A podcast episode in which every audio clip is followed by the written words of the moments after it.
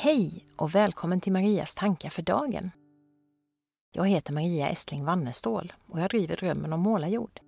En podcast och blogg om att följa sitt hjärta och sin inre kompass. Marias tankar för dagen är mina bloggreflektioner i ljudform. Fram till och med julafton är mina tankefrön en del av årets julkalender som jag hoppas ska inspirera till reflektion eller samtal. Idag ska vi öppna en lucka in till magin som kan finnas där mitt i vardagen. Jag känner mig ibland som en brobyggare som ofta trivs med att stå med mina två ben i olika läger. Som i olika årstider, på vedbacken och vid tangentbordet, i omställningskretsar och det vanliga svenssonlivet och inte minst i vetenskap och andlighet. Jag har en extremt lång akademisk utbildning, sju års grundutbildning och fyra års forskarutbildning. Och jag tycker att forskning och vetenskap i många fall är både intressant och jätteviktigt. Om än kanske inte min egen avhandling som handlade om fyra engelska pronomen. Men i hela mitt liv har jag också trott att det finns mycket mer än det vi kan se, ta på och förklara. Att livet faktiskt är magiskt om vi bara vågar tro på det.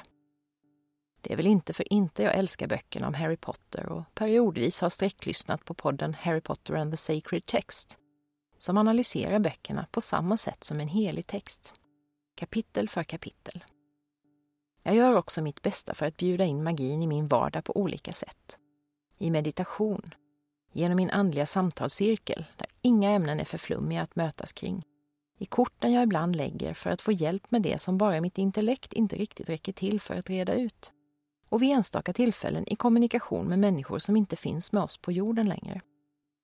Jag lägger märke till synkroniciteter, det som många kallar slumpar eller sammanträffanden.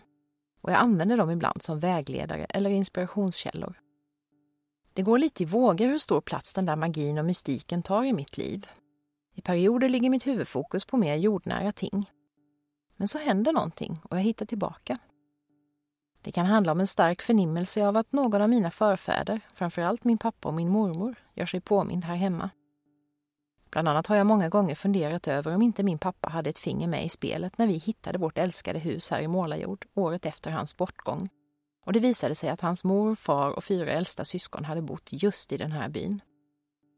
I samband med hans födelsedag förra året fick jag också en stark känsla av att han fanns här hos oss. Genom några oförklarliga händelser. Min mormor kände jag också av tydligt för några år sedan då ett av mina barn inte mådde så bra. Jag fick en väldigt stark känsla av att mormor, som var känd för sin kärlek till barn, fanns med och hjälpte mig att hitta det som mitt barn just då bäst behövde. Och så en helt annan sorts magi. För ett drygt år sedan fick jag tillbaka min mammas gamla bok Rensa i rören med feng shui, som jag hade lånat ut till en vän.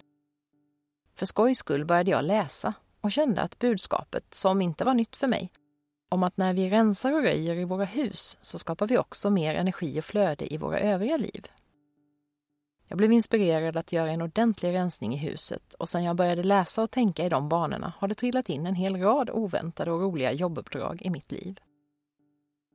Det här var bara ett par exempel, men jag har upplevt mängder av märkliga saker och sammanträffanden genom åren. Och jag känner att när jag lägger märke till dem, tar dem på allvar, så är det som att jag får vägledning. Lite hjälp med det där kompassnavigerandet helt enkelt. Kanske hittar du andra logiska förklaringar. Och det är helt okej. Okay. Men för mig är det viktigt att våga tro på någonting annat. Jag känner mig tryggare av tanken på att det finns någonting större som stöttar mig på min livsresa. Och så blir livet mycket mer spännande när jag tillåter mig själv att hitta magin där mitt i vardagen. Om du vill ha ett tips på en väldigt saklig och nykter bok om magi och mystik i vår tid så rekommenderar jag dig att läsa min poddgäst Kajsa Ingmarssons bok Modern mystik, som är den andra boken i trilogin om att följa hjärtat. Läs också gärna de två andra böckerna, Den magiska gnistan och Hjärtats väg. Och så kan jag påminna om det där spännande samtalet om mystik som jag refererade till i en kalenderlucka häromdagen. Du hittar det i Närvaropodden, avsnitt 69. Och så till dagens reflektionsfråga. Finns det någonting som skapar någon form av magi i ditt vardagsliv? Det kan ju vara helt andra saker än det jag pratar om. Tack för att du har lyssnat och välkommen tillbaka till en ny kalenderlucka imorgon. Hej då!